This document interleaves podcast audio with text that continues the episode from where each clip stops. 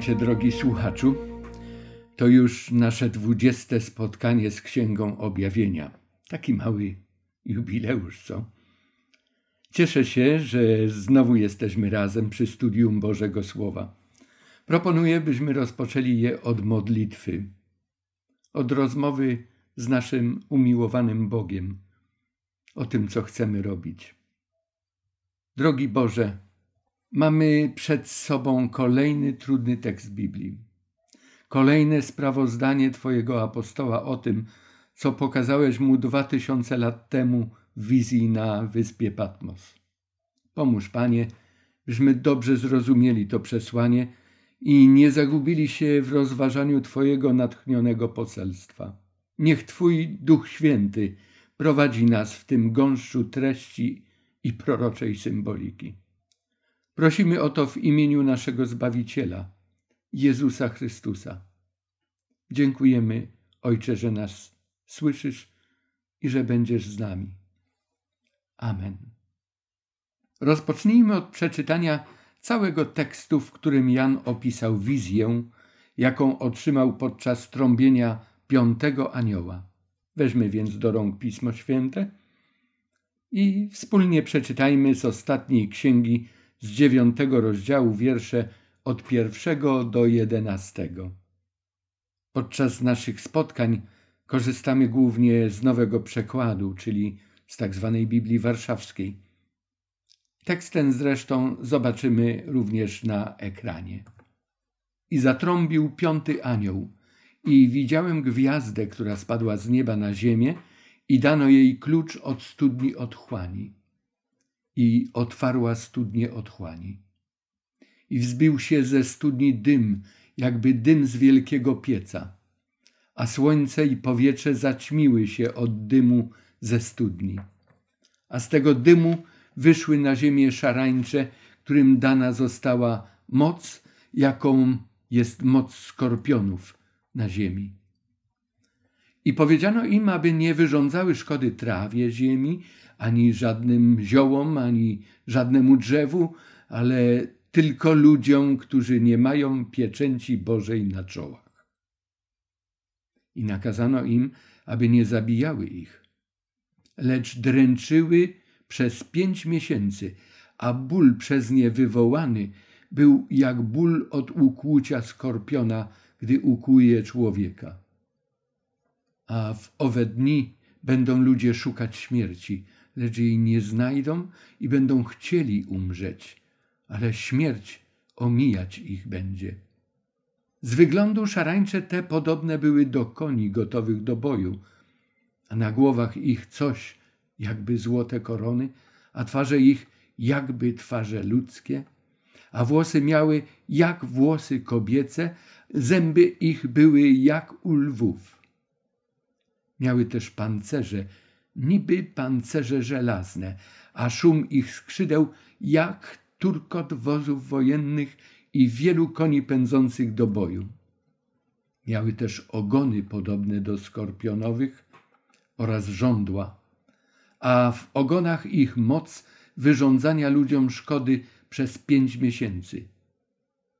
I miały nad sobą jako króla anioła otchłani, którego imię brzmi po hebrajsku Abaddon, a po grecku imię jego Apolion, niszczyciel. Prawda, że rozdział ten czyta się jak jakąś straszną opowieść, jak jakiś horror. Pewien pastor, którego osobiście znam i bardzo lubię, z wielkim zaangażowaniem i barwnie opowiedział tę historię dzieciom. Dwoje z nich zachorowało i jak sam wyznał, już nigdy więcej nie powtórzył tego błędu. Czy w tym opisie możemy gdzieś odnaleźć Chrystusa? Przecież Apokalipsa jest Jego objawieniem. Do tej myśli jeszcze powrócimy. O czym jest mowa w tym tekście, cośmy przeczytali? Co się tu dzieje? Zdajemy sobie sprawę z tego, że występują tu różne obrazy, sceny, symbole, Wiemy też, że Apokalipsa raz za razem nawiązuje do wydarzeń wcześniej opisanych w Biblii. Gdzie w Starym Testamencie czy w Nowym Testamencie można znaleźć jakieś tło dla tego rodzaju wizji? W księdze Joela odnajdujemy niemalże wszystkie elementy wizji opisanej w wizji piątej trąby. Jest to opis niesamowitej plagi szarańczy jako sądu Boga, którym dotknął królestwo Judy w wyniku ich niewierności wobec Niego. Posłuchajmy również takiego podobnego opisu, ale z księgi Joela. Zatrąbcie na rogu na Syjonie, krzyczcie na mojej świętej górze, niech zadrżą wszyscy mieszkańcy ziemi, gdyż nadchodzi dzień Pana, gdyż jest bliski. Dzień ciemności i mroku, dzień pochmurny i mglisty. Jak zorza poranna kładzie się na góry, tak nadciąga lud wielki i potężny, któremu równego nie było od wieków i po nim już nie będzie, aż do lat najdalszych, najdalszych pokoleń. Przed nim ogień płonący, po nim płomień gorejący. Przed nim kraj jest jak ogród Eden, a po nim jak step pusty. Nikt też przed nim nie ujdzie. Wyglądają jak konie, biegną jak rumaki, podskakują na wierzchołkach gór, z turkotem wozów wojennych, z czaskiem płomienia ognia, ognia, który pożera ściernisko, podobnie jak potężny lud, gotowy do bitwy. Przed nim ze strachu drżą ludy, wszystkie twarze bledną. Biegną naprzód jak bohaterowie, wdzierają się na mury jak wojownicy. Każdy idzie prosto swoją drogą i nie zbacza ze swojej ścieżki. Nie wypiera jeden drugiego, każdy idzie swoim torem, prą naprzód i wśród pocisków, w ich szeregach nie ma przerw. Uderzają na miasto, szturmem zdobywają mur, wpadają do domów, wdzierają się oknami jak złodzieje. Drży przed nimi ziemia, trzęsie się niebo, słońce i księżyc są zaćmione, a gwiazdy tracą swój blask. I Pan wydaje swój donośny głos przed swoim wojskiem, gdyż bardzo liczne są jego zastępy i potężny jest wykonawca jego rozkazu. Tak, wielki jest dzień Pana i pełen grozy. Któż go przetrwa? W obliczu tak wielkiego nieszczęścia Bóg wezwał cały swój lud do upamiętania się, do szczerego nawrócenia, do powrotu do Niego. W wierszu 25 tego samego rozdziału w księdze Joela Bóg składa obietnicę. Wynagrodzę wam szkody lat, których plony pożarła szarańcza, konik polny larwa i gąsienica, moje wielkie wojsko, które na was wyprawiłem. Jakże wspaniały, miłosierny i łaskawy jest nasz Bóg. Jako Ojciec Niebieski, jeśli istnieje taka konieczność, dopuszcza nawet do tak przykrych następstw, które mają za zadanie otrzeźwić i zatrzymać Jego dzieci staczające się po równi pochyłej do zagłady. Takie wydarzenia miały miejsce wielokrotnie w historii i dotyczyły nie tylko Izraela, ludu Bożego w starożytności, ale także ościennych narodów. Dlatego, że Bóg jednakowo miłuje wszystkich ludzi, jednakowo ostrzega, jednakowo ratuje ich od śmierci, dopuszczając nieraz nieszczęścia, nawet kataklizmy ale zachowując człowieka przy życiu, aby mógł do niego wrócić, a gdy do niego wróci, ma zagwarantowane życie wieczne. Na kolejnym ekranie zobaczymy odniesienia do tekstów, które opisują jeszcze inne, podobne tła wydarzeń opisanych w piątej trąbie w Apokalipsie. Księga Joela, drugi rozdział, to jest ten tekst, który czytałem przed chwilą. Ale w Księdze Rodzaju, w dziewiętnastym rozdziale, wierszu dwudziestym ósmym, gdy mowa jest o sądzie Bożym nad Sodomą, to jest mowa o dymie jak z pieca, który unosił się z miejsca, gdzie kiedyś istniało to miasto. Księdze Wyjścia w dziewiętnastym rozdziale i wierszu osiemnastym jest mowa o górze Synaj, na którą stąpił Bóg. Góra okryła się dymem jak z pieca.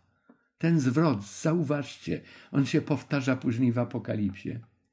W Księdze Wyjścia w dziesiątym rozdziale, od wiersza 13 do 16, opisana jest szarańcza, która była ósmą plagą na Egipt. W Księdze Wyjścia w dziesiątym rozdziale, i, czyli tym samym rozdziale wierszu 21 do 23 opisana jest plaga ciemności i to była dziewiąta plaga. Po dziesiątej pladze wiemy, że Izrael wyszedł z niewoli. A w księdze Ezechiela, gdzie mowa jest o zniszczeniu Jerozolimy przez Babilończyków, przez Nebukadnezara, jest Boża gwarancja, ochrona popieczętowanych. Tych ludzi, których Ezechiel tutaj opisał, do których nawiązał w swojej księdze w dziewiątym rozdziale i wierszu szóstym.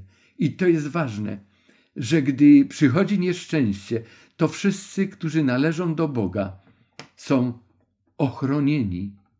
Tamte wydarzenia pomagają nam zrozumieć sceny oglądane przez Jana podczas trąbienia piątego anioła.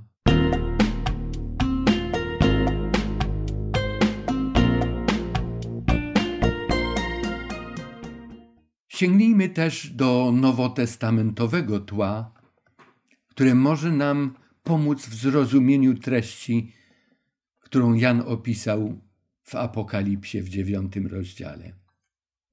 Otwórzmy Ewangelię Łukasza, dziesiąty rozdział, wiersze od 17 do 20.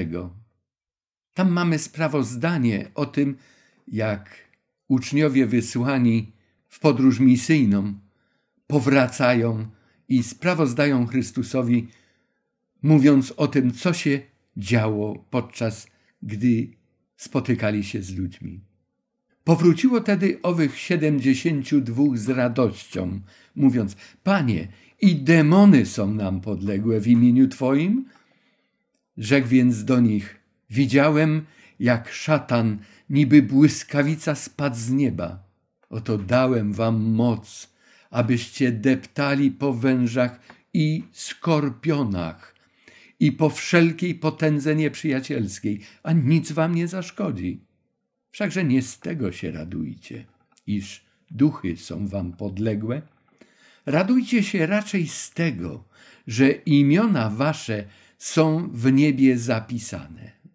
Zwróćmy uwagę na te podkreślone i na żółto zakolorowany tekst, podkreślone słowo. Mowa jest o skorpionach. Czy widzimy podobieństwo do myśli wyrażonej w piątej trąbie? Zwróćmy uwagę też na ten ostatni tekst. Imiona wasze są w niebie zapisane.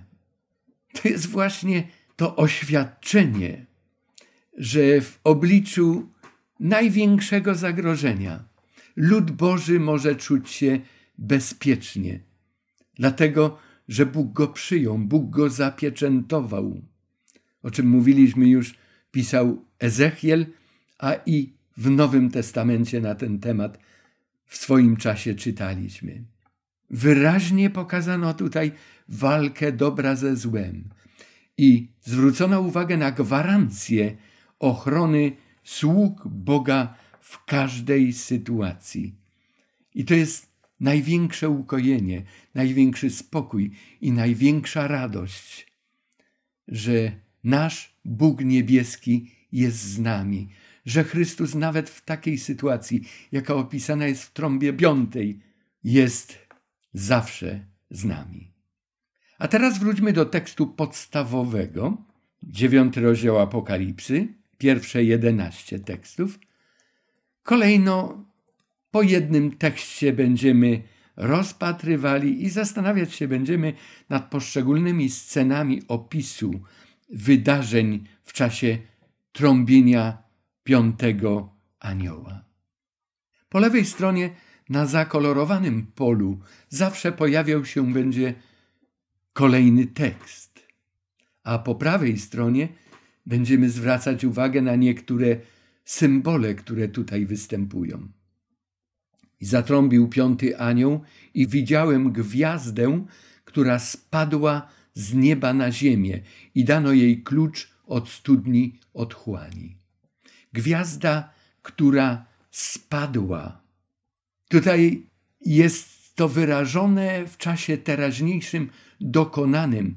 Gdy Jan pisze o tej gwieździe, to ona już była tutaj na tej ziemi. Ona już spadła, spadła wcześniej. Kiedy spadła? Gdy czytaliśmy o wydarzeniach w czasie trąbienia trzeciego anioła, to tam ona była pokazana. W trzeciej trąbie, to jest ósmy rozdział, wiersz dziesiąty. Możemy tam wrócić i sprawdzić. A więc to jest ta sama istota, ta sama potęga, ten upadły anioł. Dano jej klucz. Dano. Kto jej dał klucz? Bóg.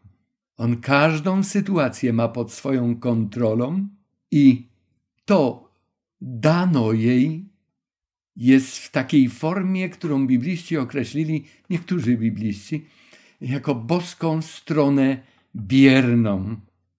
W tej boskiej stronie biernej, jak ją nazwano, ten zwrot dano komuś coś, będzie dane, określa sytuacje, w których z uwagi na szacunek dla imienia Jahwe i dla samego Boga nie wymienia się ani jednego, ani drugiego, ale chce się wyrazić, że to On spowodował, że On działa.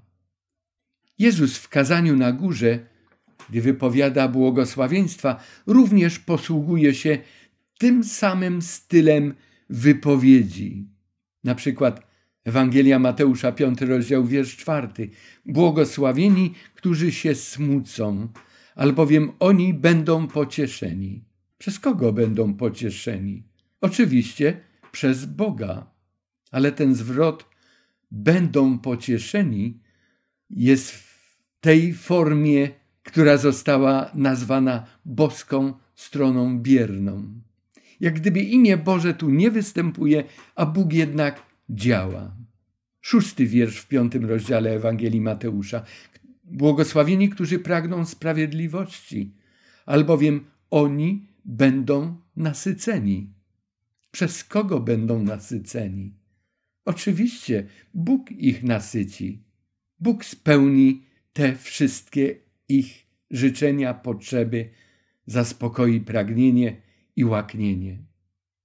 Dano jej klucz studni otchłani. Co to jest studnia otchłani? Otchłani. To miejsce występuje w niektórych księgach i sytuacjach opisanych w Biblii.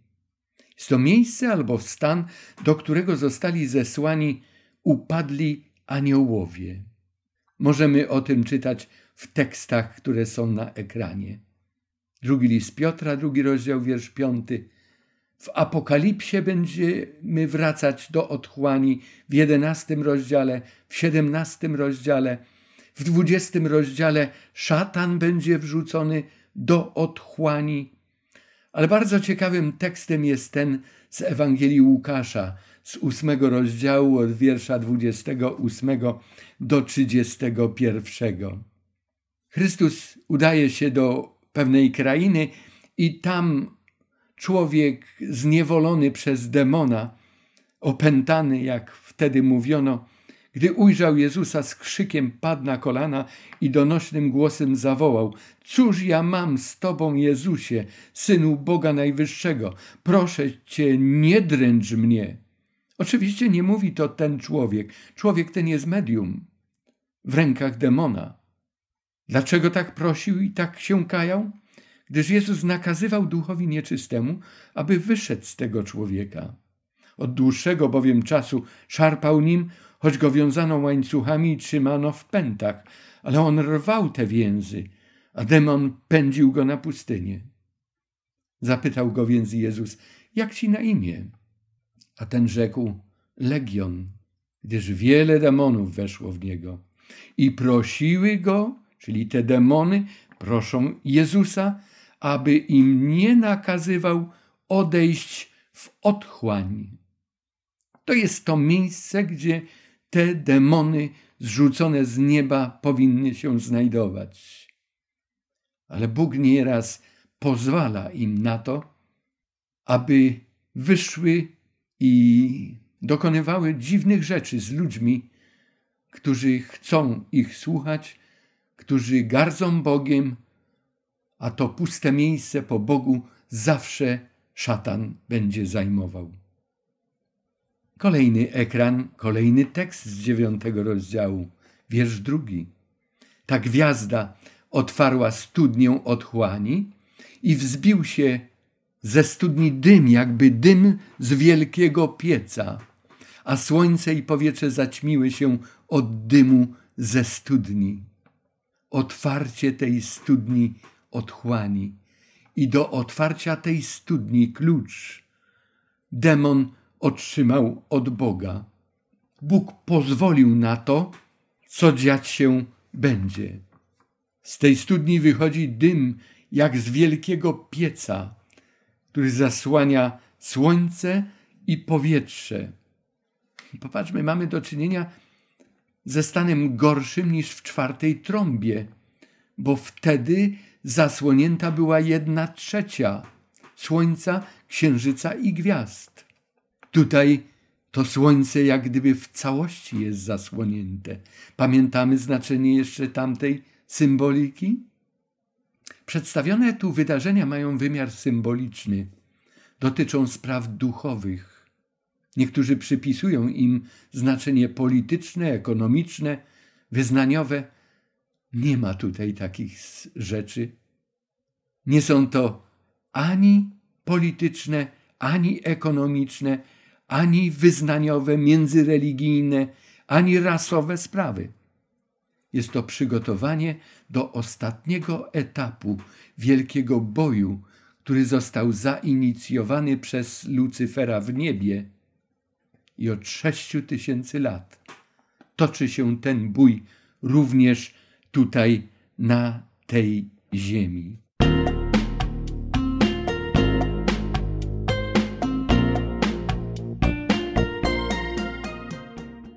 Gdy Bóg przystąpił do stworzenia naszej ziemi, rozpoczął od rozproszenia ciemności.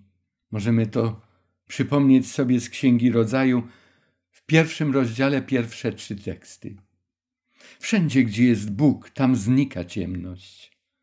Ewangelia Chrystusowa wnosi światło w życie człowieka. Nowy Testament określa i porównuje Jezusa, dobro, Ewangelię, a także nawrócone życie człowieka do światłości.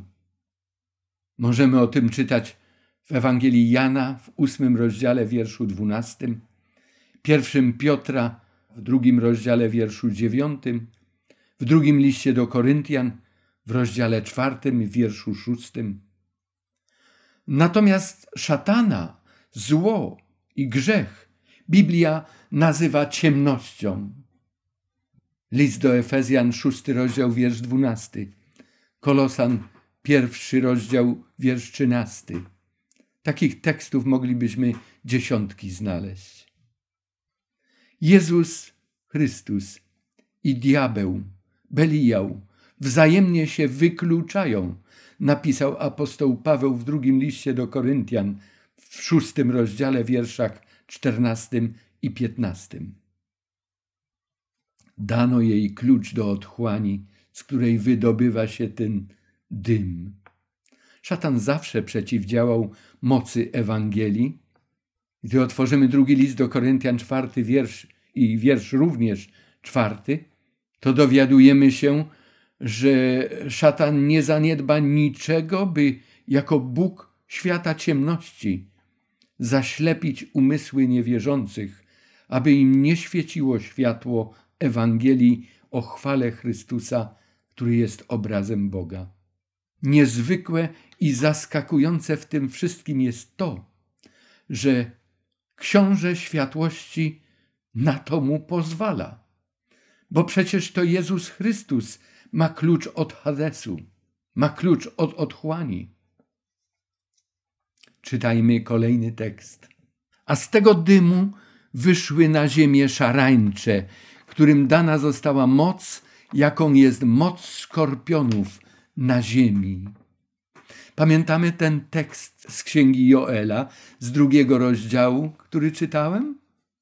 Ta szarańcza zachowuje się tam jak wojsko, a jednak jest nawiązanie i powiedzenie, że to są ludzie, albo ludzie podobni do szarańczy, albo szarańcza podobna do ludzi, bo jedni i drudzy potrafią pustoszyć gdziekolwiek się znajdą. Tej apokaliptycznej szarańczy dano moc skorpionów. I tutaj znowu widzimy bardzo wyraźnie, że chodzi o symbolikę całej tej wizji. Normalna szarańcza nie ma mocy skorpionów. Ponownie pojawia się stwierdzenie zastosowaniem owej boskiej strony biernej. Dano jej moc skorpionów. Kto dał? Bóg. Zaskakujący jest Bóg w swoim działaniu. Ale Bóg, który daje czy przyzwala na to, ażeby demon czynił to wszystko, co chce, tam, gdzie został zaproszony przez ludzi, którzy odrzucili Boga i przyjęli Jego, to Bóg i tak ma pod swoją kontrolą wszystko, co się dzieje. Bóg zdecydował, aby moce ciemności mogły zaatakować i Jego samego nawet, i Jego Ewangelię, i aby działo się to w skali ogólnoświatowej i na oczach całego wszechświata, aby cały wszechświat zobaczył, na czym polega działanie Boga i na czym polega działanie demona. Kolejny tekst, czwarty. Powiedziano im, tej szarańczy, aby nie wyrządzały szkody trawie ziemi, ani żadnym ziołom, ani żadnemu drzewu, a tylko ludziom, którzy nie mają pieczęci Bożej na czołach. Szarańcza o znamionach skorpionów. Jeszcze raz podkreślone jest to, że nie chodzi o rzeczywistość. Jest to mowa symboliczna. Normalna szarańcza pustoszy przyrodę. Ta szarańcza gnębi ludzi. Zwróćmy uwagę na te dwa teksty z Księgi Wyjścia, dziesiąty rozdział, wiersz czwarty i piąty, a później z Księgi Jeremiasza, pięćdziesiąty pierwszy rozdział, wiersze czternasty do dwudziestego siódmego. Tam jest mowa o pladze szarańczy. Zwróćmy uwagę na to, że tamte nieszczęścia dotykające Egipt i Babilon następowały w kontekście potrzeby zabezpieczenia wolności religijnej dla ludu Bożego, aby mogli wyjść z niewoli. To są plagi, to są nieszczęścia, które działy się tuż przed wyjściem narodu z niewoli, czy to egipskiej, czy babilońskiej. Bóg chciał, aby swobodnie mogli mu służyć. Apokaliptyczna szarańcza dotyka ludzi, którzy nie mają pieczęci Boga na czołach swoich. Już porównywaliśmy tę myśl z zapisem z księgi Ezechiela dziewiątego rozdziału, wiersza szóstego, której to scenie poświęciliśmy we wcześniejszych spotkaniach dużo czasu. Pieczętowanie zostało przedstawione też w siódmym rozdziale Apokalipsy. Zajmowaliśmy się tą kwestią. Ta szarańcza, te skorpiony, zdają się wiedzieć, kto jest Bogu wierny, a kto nie. Działanie ma zabarwienie religijne. Jest to walka duchowa, ideologiczna. Podział ludzi na dwa odrębne obozy, zależnie od ich stosunku do Boga. zależnie od pokierowania przez nich samych wolną wolą, którą Bóg obdarował każdego człowieka. Co może powodować takie zróżnicowane działanie? Skąd u szarańczy ten zamysł rozpoznawania, kto jest wiernym Bogu i prawdziwym Jego dzieckiem, a kto jedynie pozorantem? Gdy przeczytamy tekst z drugiego listu Pawła do Tymoteusza, rozdział drugi, wiersz dziewiętnasty, to tam możemy przeczytać, że jeżeli ktoś przyznaje się do Jezusa Chrystusa, mianuje imię Chrystusowe, to niech odstąpi od wszelkiej nieprawości. Bo Pan zna, którzy są Jego. To jest ta mocna pieczęć, którą położył na nich. Bóg swój lud skutecznie ochroni przed diabelskimi atakami i zwiedzeniami. Demony też dobrze wiedzą, kto z ludzi został zapieczętowany jako własność Boga, do kogo nie wolno im się zbliżyć. Apostoł Piotr napisał w swoim liście, że szatan jak lew ryczący obchodzi, szukając kogo by pożreć. Ale tak jak lew nie przystąpi do światłości, tak szatan nie przystąpi do tych, którzy są podobni do Chrystusa, są nosicielami światłości.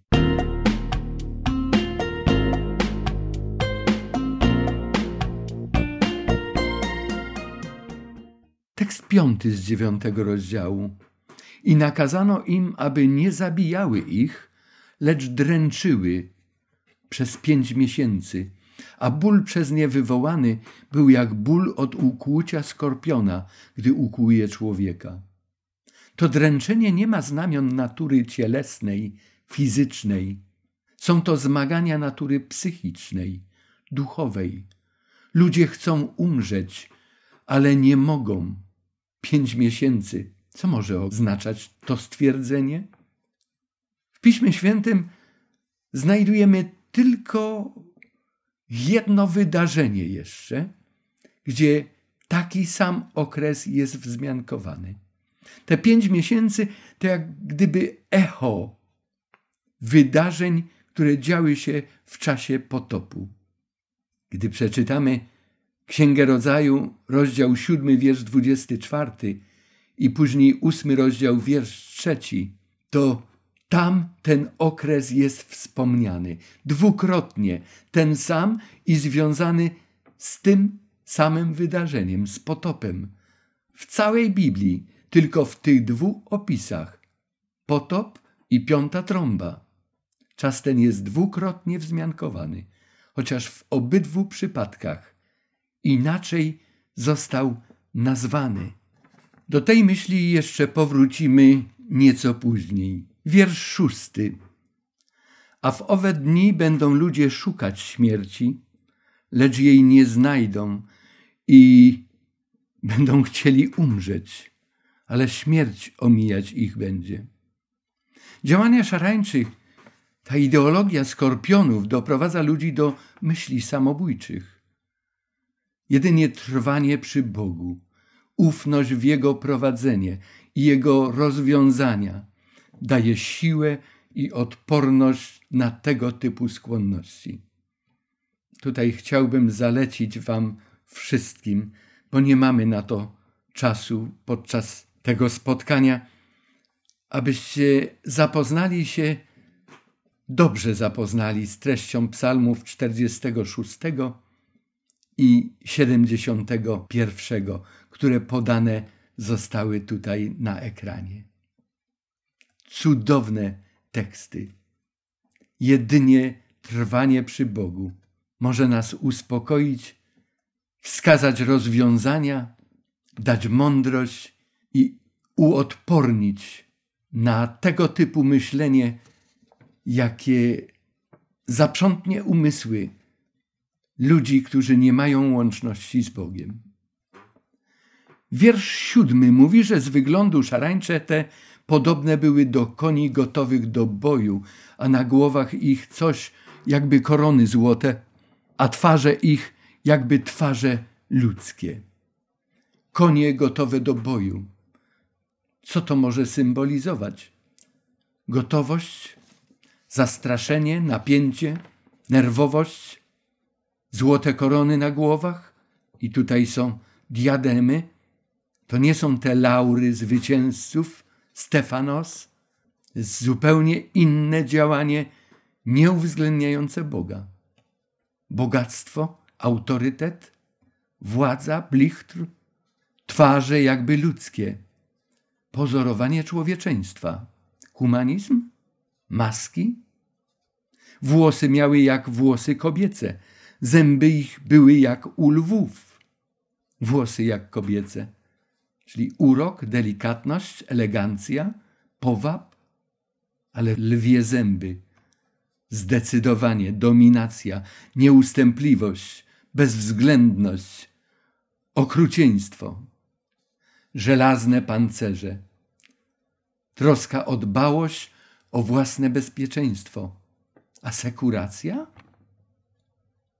Szum skrzydeł, turkot wozów wojennych, koni pędzących do boju, determinacja, planowane i celowe działania, intensywność tych działań, realizacja raz podjętych celów, gwałtowność, napór, uprzykrzanie się, sprawianie silnego wrażenia, sprawna organizacja. Popatrzmy, jak głęboka symbolika zawarta jest w tym wszystkim. To nie jest, jak czasem się uważa, opis wyglądu islamskich najeźdźców. Islam powstał w VII wieku i w następnych się rozwijał. W opisie tym zawarta jest symbolika działań ludzi prowadzonych przez niegdyś najwspanialszego anioła Bożego, a obecnie gwiazdy, która spadła z nieba. Podobnie jak w wizji Joela dotyczącej tamtej rzeczywistości, ten opis jest równie barwny, działa na wyobraźnię, chociaż niekoniecznie każdy szczegół ma znaczenie symboliczne. Zwróćmy na to uwagę, jak Jan szuka porównań, korzystając z określeń niby, jak, podobne do, jakby, coś jakby. Jan daje świadectwo, że dba o to, aby rzetelnie i trafnie przybliżyć czytelnikowi to coś, co sam zobaczył. Ale być może do końca sam tego nawet nie rozumie, szuka porównań. Miały też ogony podobne do skorpionów oraz żądła, a w ogonach ich moc wyrządzania ludziom szkody przez pięć miesięcy. Ogony. Co to może oznaczać? W księdze Izajasza w dziewiątym rozdziale, wierszu czternastym i piętnastym, ten symbol został bardzo prosto wyjaśniony. Czytamy tam: Głową jest starszy i poważany mąż, a ogonem prorok nauczający kłamstwa.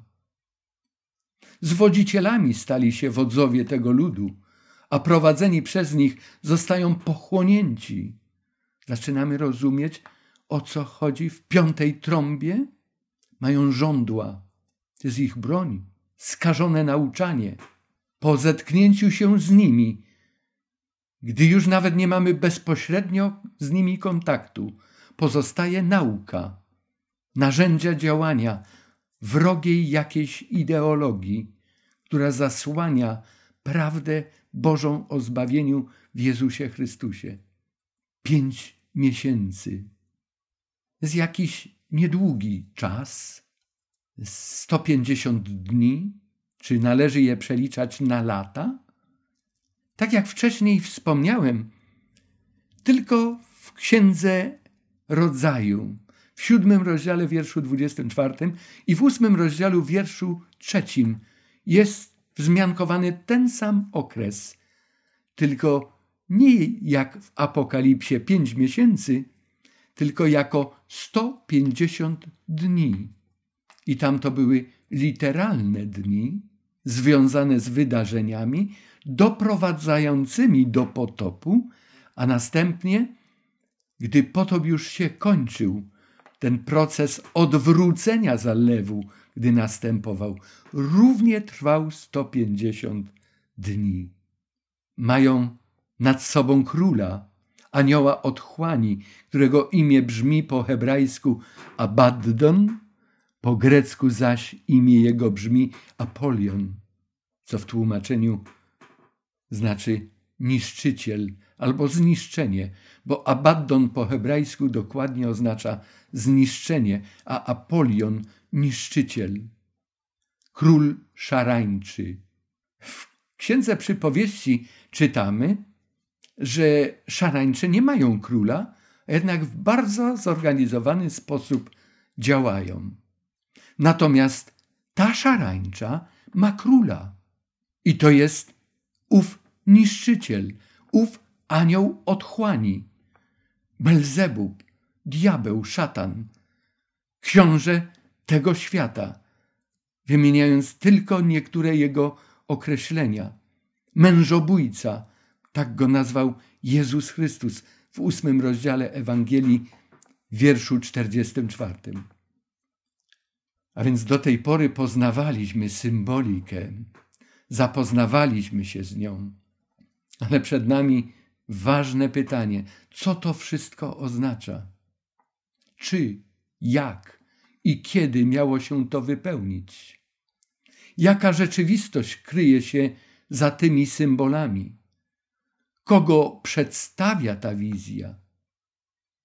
Gdzie i czy w ogóle w tym horrorze można jeszcze znaleźć Chrystusa? Przecież Apokalipsa to objawienie Jezusa Chrystusa.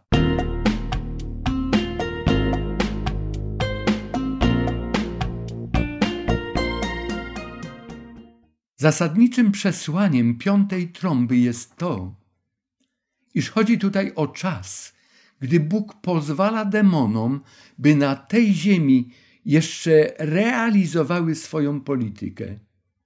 Niemniej jednak ich działalność nie zaszkodzi ludziom, którzy prawdziwie zawierzyli Bogu.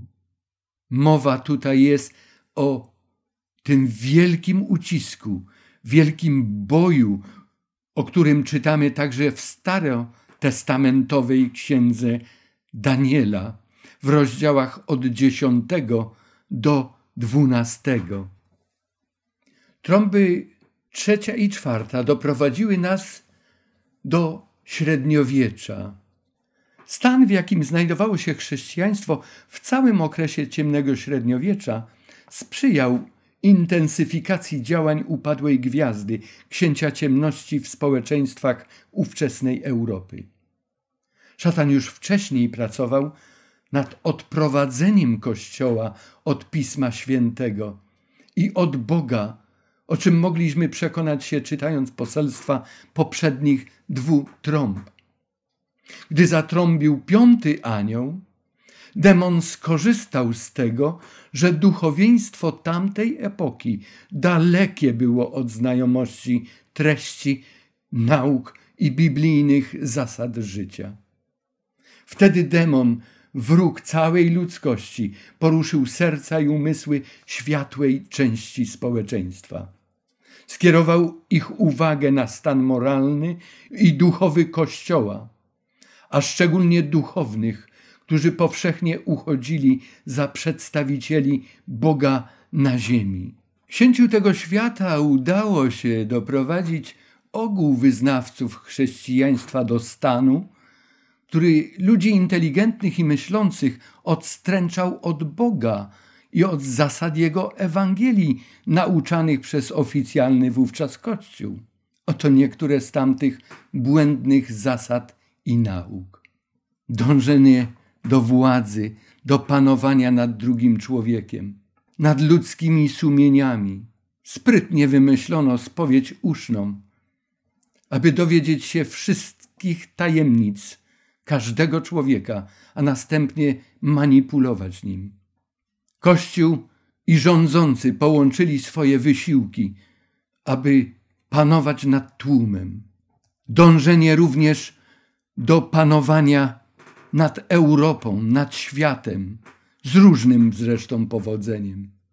Nadmierne gromadzenie bogactw materialnych przez Kościół, zastąpienie nauki Pisma Świętego naukami katechizmowymi, kult świętych pośredników, kultów obrazu, posągów, głoszenie pogańskich nauk o czyśćcu, o piekle, o otchłani, ogłoszenie w 1870 roku nieomylności papieża, w każdym przypadku, gdy przemawia oficjalnie, ex cathedra.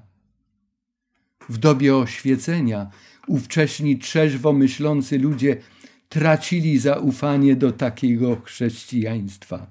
Rozumując, że Bóg, na którego ówczesny Kościół się powoływał, jest taki sam jak jego przedstawiciele, ludzie ci sami, nie znając też treści Pisma Świętego, negując Kościół, odrzucili także Boga Stwórcę.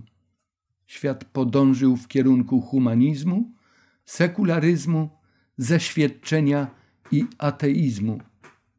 Niektórzy ideolodzy wpadli też na pomysł, że człowiek może sobie dobrze poradzić w życiu bez Boga chrześcijan.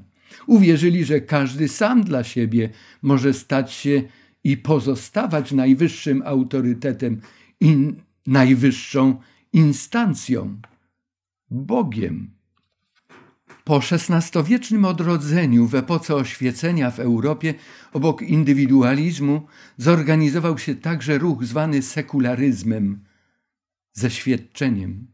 W 1851 roku w Londynie powstało Centralne Towarzystwo Sekularystyczne, które opracowało i ogłosiło swoją własną doktrynę. Źródłem prawdy dla człowieka jest nauka – Moralność ma pochodzenie świeckie, a nie religijne.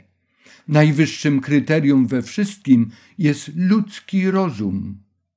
Istotną cechą takiej postawy, jak podaje Wikipedia, jest negacja istnienia żywej relacji Boga z człowiekiem, zarówno tu na ziemi, jak i po śmierci. W sekularyzmie Bóg i rzeczywistości religijne są eliminowane ze świata. Dalszymi znamionami sekularyzmu są głębokie przekonanie, że człowiek jest z natury dobry, że nie jest skażony przez jakiś tam grzech. Przeciwnie, rozwija się. Wiara w szczęśliwą przyszłość ludzkości, tak zwana świecka eschatologia, zaufanie i wiara w geniusz rozumu, owo szkiełko i oko, to z literatury, pamiętamy jeszcze. Najważniejszy w życiu jesteś ty i to, co osobiście czujesz. To się liczy. Twoje zmysły podpowiadają ci, co jest najlepsze dla ciebie. Nauka, wiedza, praca, sława, pieniądze, zabawa, rozrywka, muzyka, używki, seks, upojenie – to wartości, z której jeśli nie skorzystasz teraz, to marnujesz swoje życie. Gdyby chrześcijanie pozostawali wierni Bogu, ani sekularyzm, ani ateizm nie miałyby racji powstania i bycia. Sekularyzm, jak większość ideologii, niesie z sobą wiele zagrożeń, ale też wiele możliwości jest zagrożeniem dla zinstytucjonalizowanej i płytkiej religijności, a równocześnie stanowi wielkie wyzwania.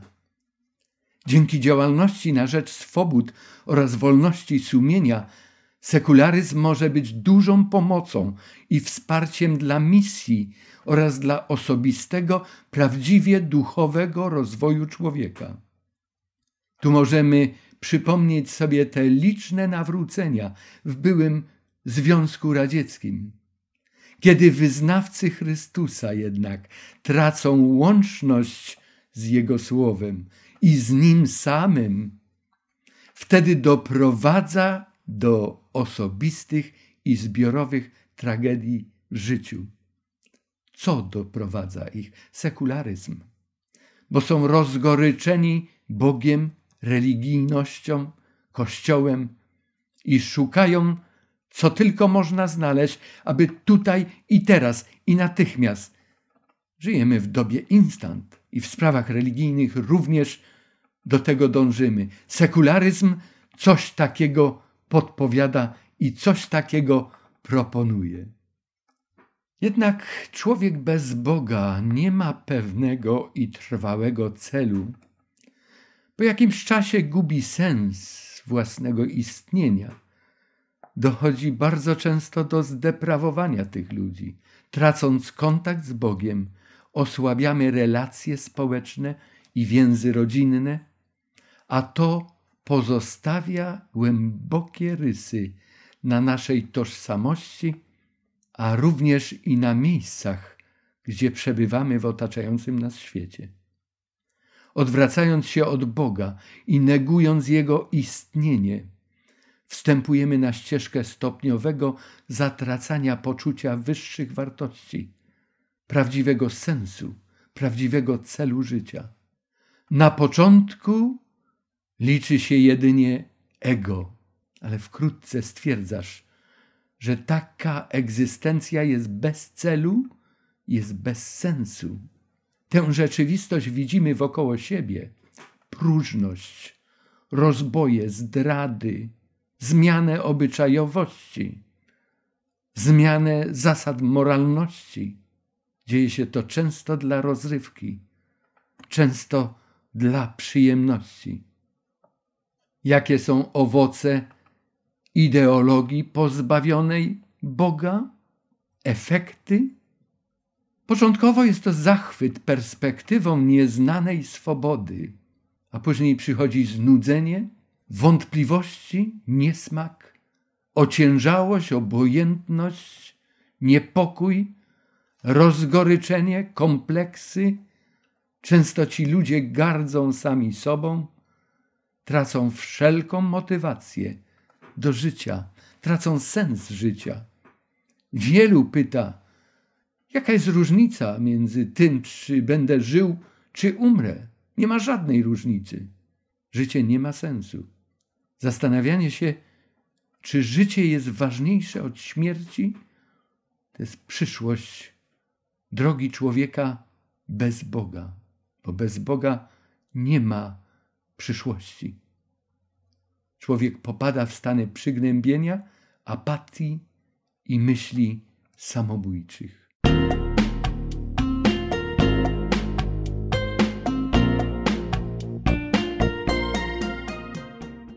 Jednak Bóg ochrania swoich wiernych od tego dymu zgubnych ideologii. I powiedziano im, czytaliśmy, aby nie wyrządzały szkody trawie, ziemi, ani żadnym ziołom, ani żadnemu drzewu, a tylko ludziom, którzy nie mają pieczęci Bożej na czołach. Jak ważne jest posiadanie takiej pieczęci gdy wszystko wokoło traci sens. Jak ważne mieć relację ścisłą, prawdziwą, codzienną z Bogiem. Ten, kto zna Boga i utrzymuje osobisty z Nim kontakt, zachowa zdrowy osąd każdej sytuacji. Człowiek prowadzony przez Ducha Świętego łatwo dostrzeże szatański podstęp w propozycji życia bez Boga. Pierwsza para ludzka w raju już tego boleśnie doświadczyła. Doświadczyła tej pomocy szatańskich obiecanek. Do dzisiaj ludzkość przeżywa gorycz z tego powodu, że tym obiecankom diabelskim kiedyś nasi rodzice uwierzyli i zaufali. Jedno biada minęło. Oto nadchodzą jeszcze po tym dwa następne biada. Pierwsza biada to piąta plaga. To tryumf zeświadczenia sekularyzmu nad zorganizowaną fanatyczną i błędną religijnością. Ale ten układ sił się zmieni. Nie zawsze tak będzie. Na horyzoncie znowu urasta duchowy Babilon, który się nie zmienia, ale zmienia zasady gry. Jest to wroga Bogu i jego ludu religijność. Chociaż najpierw król południa, Egipt, synonim sekularyzmu, ateizmu, komunizmu, zdają się przeważać nad królem północy, to jednak wkrótce zorganizowany ruch wchłania ateizm i sekularyzm w swoje szeregi i wtedy razem utworzą koalicję do walki z barankiem. Końcówka historii dziejów Ziemi będzie niezwykle interesująca pod względem religijności i to nie tylko tej na pokaz, ale też prawdziwej pobożności. Będziemy świadkami przebudzenia i uduchowienia ze strony ludu Bożego, który zwiastuje Ewangelię zbawienia, ludu oczekującego na swojego Zbawiciela, na Jezusa Chrystusa. To On z potężną mocą i w wielkiej chwale, w chwale czystości, prawdy, miłości, powróci po swój wierny lud. Wtedy też Bóg położy kres wszelkiej nieprawości na tej ziemi. Już dzisiaj widzimy, jak to wahadło przemieszcza się na tę drugą stronę tarczy zegara. Oto zapowiedź i scenariusz, jaki znamy też ze starotestamentowej księgi proroka Daniela z jedenastego rozdziału od wiersza 40 do 45. A w czasach ostatecznych zetrze się z nim król z południa. Lecz król północy uderzy na niego z wozami, jeźdźcami, z wielu okrętami, wtargnie do krajów, zaleje jak powódź, wtargnie i do prześlicznej ziemi, a wtedy padną dziesiątki tysięcy, lecz rąk jego ujdą Edom, Moab i główna część Amonitów. A gdy wyciągnie swoją rękę po kraje, nawet ziemia egipska nie ocaleje. Opanuje on skarby złota, srebra, wszystkie klejnoty egipskie. Libijczycy, kuszyci pójdą w jego orszaku. Wtedy przestraszą go wieści ze wschodu i północy. Dlatego wyruszy w wielkiej złości, aby wygubić i wytępić wielu. I rozbije wspaniałe swoje namioty między morzem a prześliczną świętą górą. Wtedy dojdzie do swojego kresu i nikt mu nie pomoże. Drodzy słuchacze, nie mam czasu, aby nawiązać szerzej i omówić tę zapowiedź proroczą, ale w spotkaniach z księgą Daniela omawiałem to bardzo szczegółowo. Te spotkania istnieją, możecie je znaleźć w internecie. Czy istnieją jakieś lekcje płynące dla nas na dzisiaj z tego, z czym zmagaliśmy się w treści piątej trąby? Przede wszystkim wystrzegajmy się świeckiego, płytkiego i krótkofalowego sposobu myślenia i kontaktu z Bogiem. Piąta trąba ostrzega przed zabawą ze złem, z grzechem. To są stare zabawki owej gwiazdy, która spadła z nieba. Ludzie nieraz są zachwyceni, a później gorzko płaczą. Życie bez Boga do czasu może być nawet zabawne i obiecujące. Nie jest jednak wolne od bieżących osobistych zmagań, trosk, a jego finał zawsze jest żałosny. Biblia sięga do najgłębszych warstw życia. Istnieją rzeczywistości, których obecnie swoimi zmysłami jeszcze nie ogarniamy. Widzimy może ich zarys, może w ogóle nie dostrzegamy.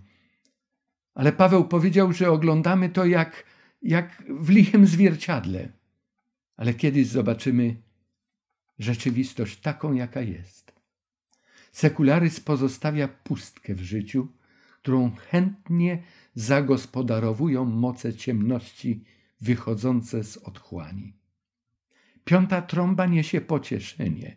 Gdy moce ciemności zdają się triumfować, Bóg oferuje nam zrozumienie perspektywy wieczności. A obecnie daje gwarantowane zabezpieczenie przed zdradliwymi pułapkami kłamców różnych ideologii. Należąc do Boga, nie musimy się obawiać niczego i nikogo.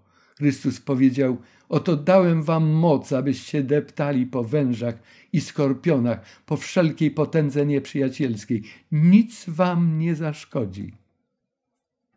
Któż nas odłączy od miłości Chrystusowej? pyta apostoł Paweł. Czy utrapienie, czy ucisk, czy prześladowanie, czy głód, czy nagość, czy niebezpieczeństwo, czy miecz? Jako napisano, z powodu Ciebie co dzień nas zabijają, uważają nas za owce ofiarne, ale w tym wszystkim zwyciężamy przez tego, który nas umiłował. Albowiem jestem pewien tego, że ani śmierć, ani życie, ani aniołowie, ani potęgi niebieskie, ani teraźniejszość, ani przyszłość, ani moce, ani wysokość, ani głębokość, ani żadne inne stworzenie nie zdoła nas odłączyć od miłości Bożej, która jest w Chrystusie Jezusie, Panu naszym. Umiłowany i dobry Boże nasz, dziękujemy Ci, że jesteś. Dziękujemy Ci, że jesteś takim, jakim jesteś, miłującym Ojcem, Zbawicielem ty nie podałeś tego tekstu po to, by nas przerazić, ale by choć w symbolu pokazać nam, jak straszne jest życie samemu, bez nadziei, bez Boga, bez przyszłości. Gdy wszystko jest dobre, gdy jesteśmy zdrowi, gdy jesteśmy młodzi, a później wracają myśli i demon niejednokrotnie niejednemu człowiekowi zagradza drogę i mówi już za późno, już nic z tego nie będzie, nie możesz wrócić, Bóg cię już nie przyjmie. Boże, dziękuję Ci za to, że Ty nikogo nie odrzucasz. Przyjmujesz każdego człowieka. Dopomóż, abyśmy wszyscy do Ciebie mogli należeć, bo wtedy, gdy należymy do Ciebie, Ty nam dajesz inne spojrzenie, inną ocenę tych rzeczywistości, wśród których musimy się znajdować. Trudno się żyje. To jest walka, ale widzimy zwycięzcę. Jest nim nasz Zbawiciel Jezus Chrystus. Drogi Boże, zachowaj nas od złego i pomóż, abyśmy z wiarą oczekiwali na powtórne przyjście naszego Zbawiciela. W Jego imieniu prosimy, bądź z nami według naszych potrzeb według potrzeb każdego słuchającego tych słów, naszych rodzin, naszych domów, naszych najbliższych i wszystkich ludzi, którzy tęsknią za lepszym jutrem. Amen. Dziękuję Wam, drodzy, za udział w dzisiejszym spotkaniu. Do usłyszenia. A kolejne spotkanie ma tytuł Apokaliptyczne trąby i mówić będziemy o wydarzeniach gdy zatrąbi szósty i siódmy anioł.